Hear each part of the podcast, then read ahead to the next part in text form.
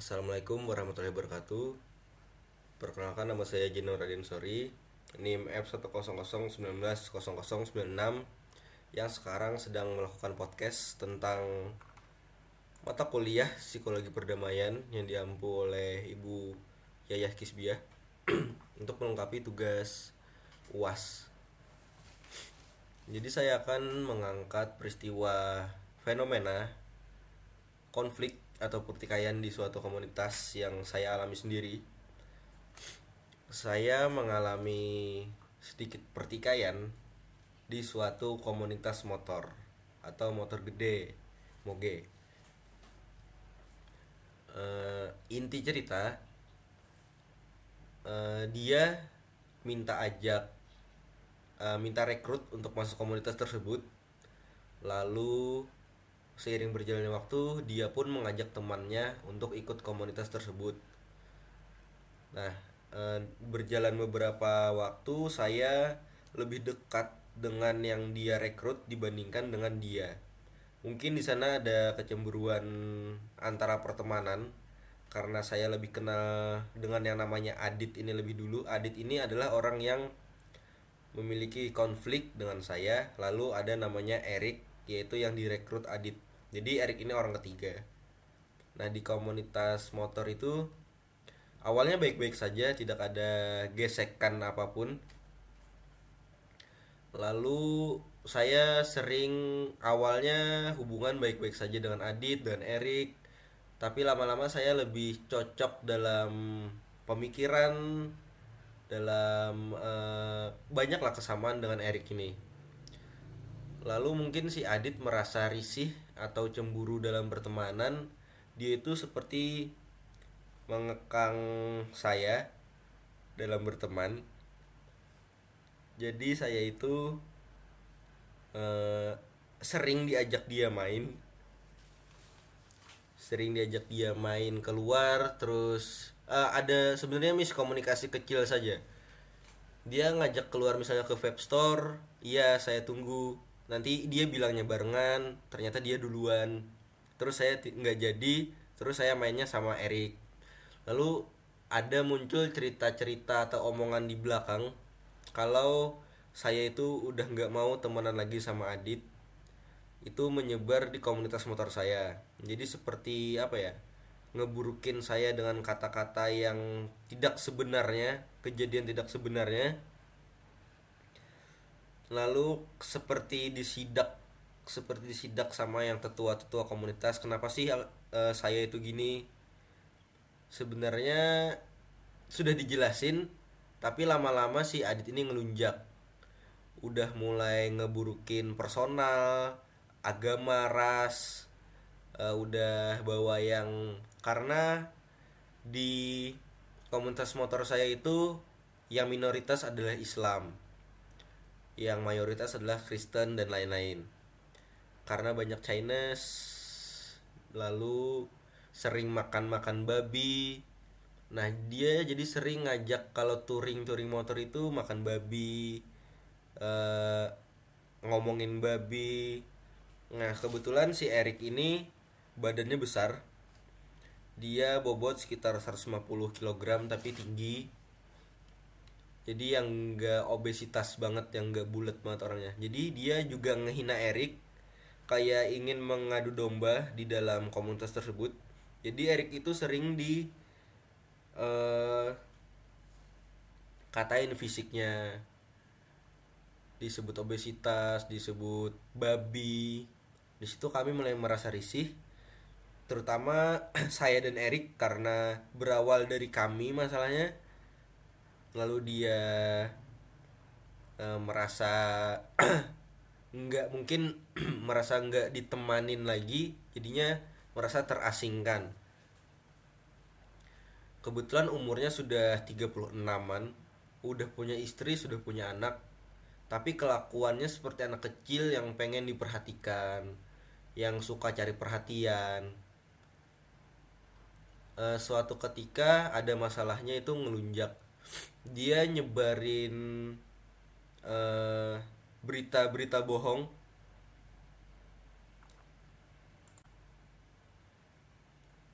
Berita-berita bohong yang tentu saja itu hoax yang ingin memecah belah komunitas ingin memecah belah pertemanan.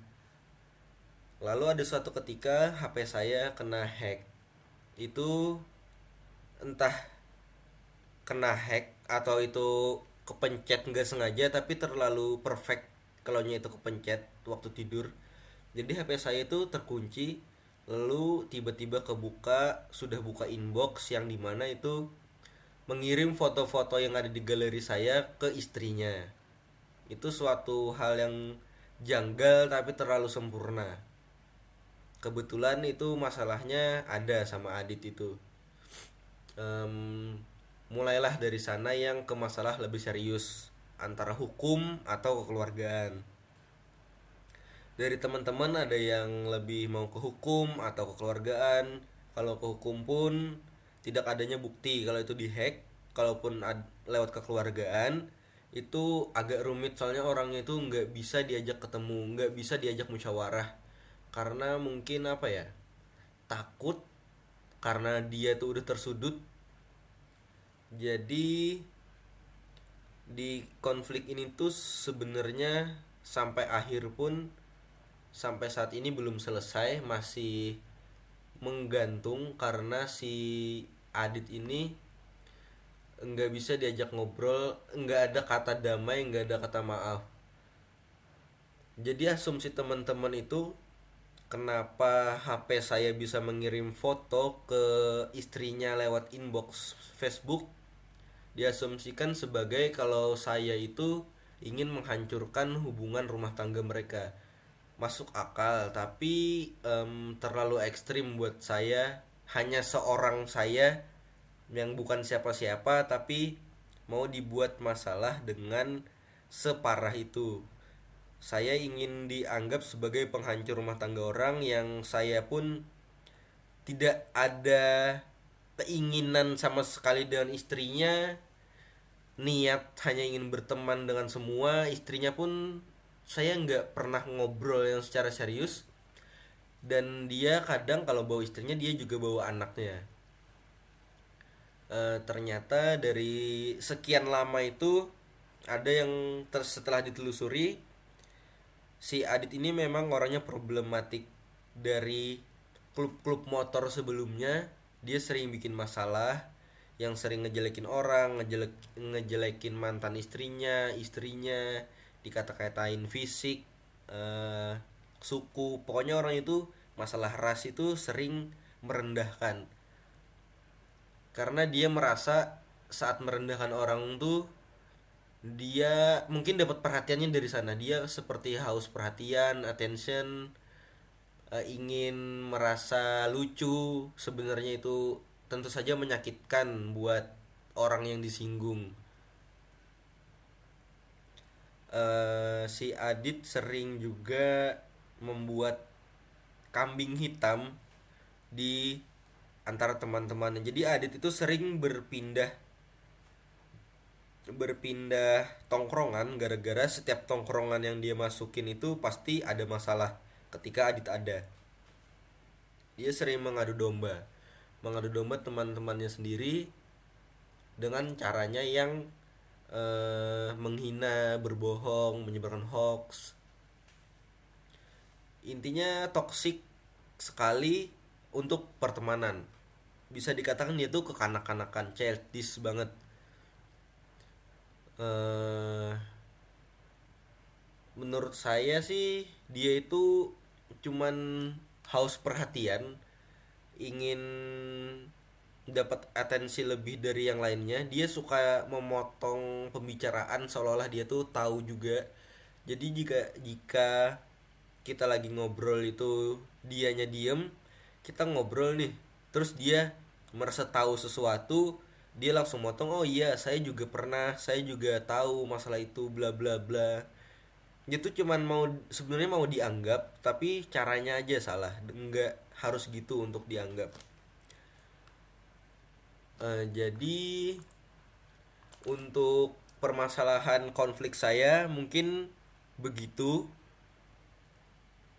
Uh, mungkin ini terlalu nggak detail terlalu melompat-lompat jadi mungkin agak kurang jelas. Intinya si Adit itu orang yang suka mengkambing hitamkan temannya dan suka berbohong menyebarkan hoax demi dapat perhatian.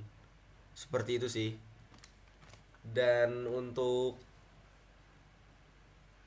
alat bantu analisis konflik yang saya pakai ada penahapan konflik dan urutan kejadian. Mungkin saya mengulang sedikit secara singkat penahapan konfliknya.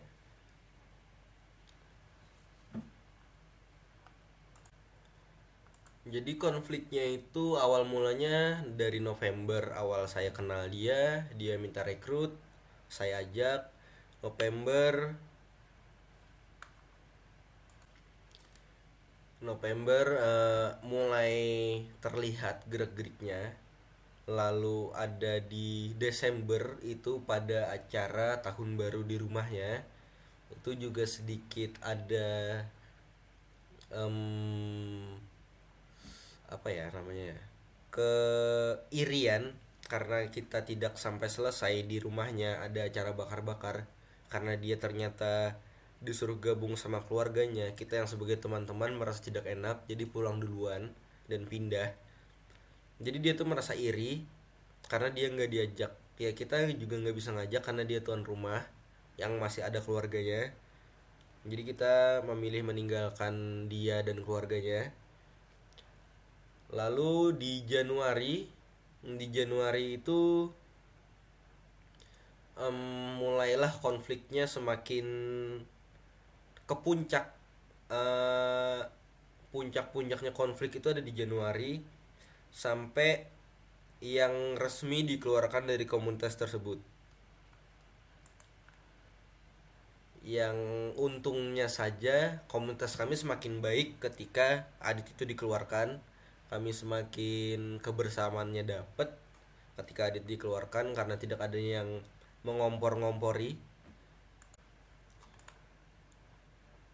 Urutan kejadiannya kurang lebih sama penahapan konfliknya sih. Uh, urutannya itu ya berawal dari November itu saya merekrut dia lalu dia mengajak Erik lalu Erik menjadi teman saya sampai sekarang yang deket banget seperti saya anggap uh, mas saya sendiri. Uh, lalu dia mengalami kecemburuan dalam pertemanan lalu menyebarkan berita-berita yang tidak seharusnya dan tidak ada kebenarannya. Sampai berakhir dia dikeluarkan ke dari komunitas tanpa ada penyelesaian masalah. Karena dari dianya pun ada penolakan.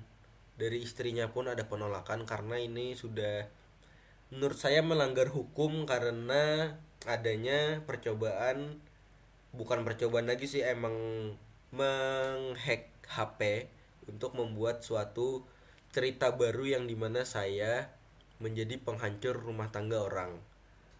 Mungkin seperti itu.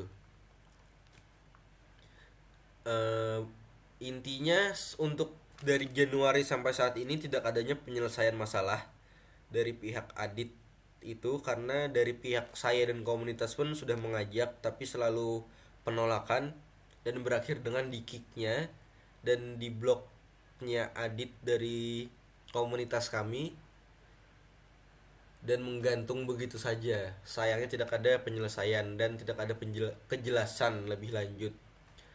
Mungkin itu saja cerita konflik yang saya alami di antara komunitas saya sendiri dan saya pun terlibat di dalamnya sebagai uh, bisa dibilang korban. Ada dua orang. Ya, itu saja dari saya uh, untuk melengkapi tugas UAS psikologi perdamaian saya. Saya sudahi. Wassalamualaikum warahmatullahi wabarakatuh.